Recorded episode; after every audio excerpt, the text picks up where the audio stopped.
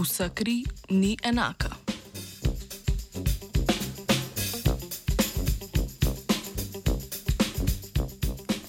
Ljudje nismo ovce, vsaj za krvosese parazite.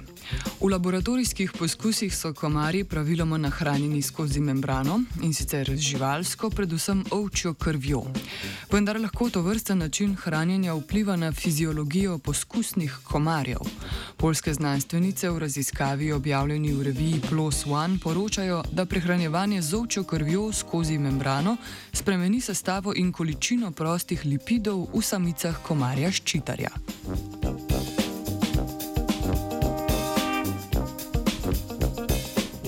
Komar ščitar ali Aedes aegypti je glavni prenašalec denge, zike in rumene mrzlice. Manj zlovešča je njegova vloga v laboratoriju, kjer je pogosto uporabljen kot model za preučevanje vektorskih bolezni, ki jih širijo nevretenčari. Velika količina komarjev potrebuje veliko količino krvi, predvsem ovčje, ki je dokaj poceni in bolj dostopna od človeških prostovoljcev, ter ne zahteva posebnih dovoljenj ali usposabljenega osebja.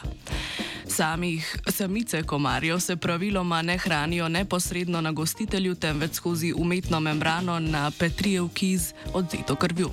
V naravi so komarji ščitarji, sicer precej izbirčni, hranijo se skoraj izključno na ljudeh.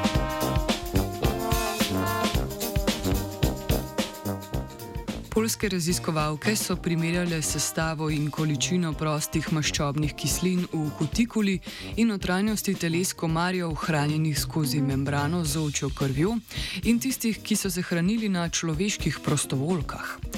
Proste maščobne kisline v kutikuli žuželke predvsem ščitijo pred patogenimi glivami in preprečujejo izgubo vode. V telesu služijo kot zaloga energije, ki jo komarke lahko uporabijo za izdelavo jajčec.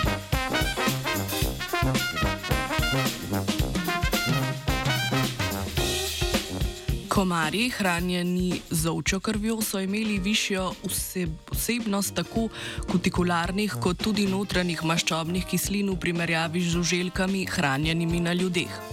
Pri hranjenju skozi membrano so prevladovali kul kutikularni lipidi, obratno pa je bilo pri hranjenju na ljudeh največ notranjih lipidov.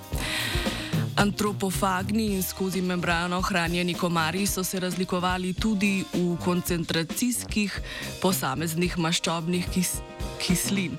Pri hranjenju skozi membrano se je povečala predvsem koncentracija lipidov, ki lahko zavrejo rast nekaterih glivnih in bakterijskih patogenov.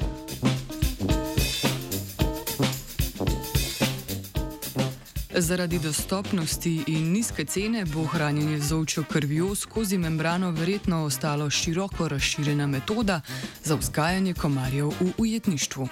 Vendar bi to vrstna prehrana zaradi sprememb v sestavi kutikularnih in notranjih lipidov utegnila vplivati na hitrost razmnoževanja, število izleženih jajčec ter odpornost poskusnih živali na patogene in insekticide kar bi lahko vplivalo na točnost izsledkov raziskav.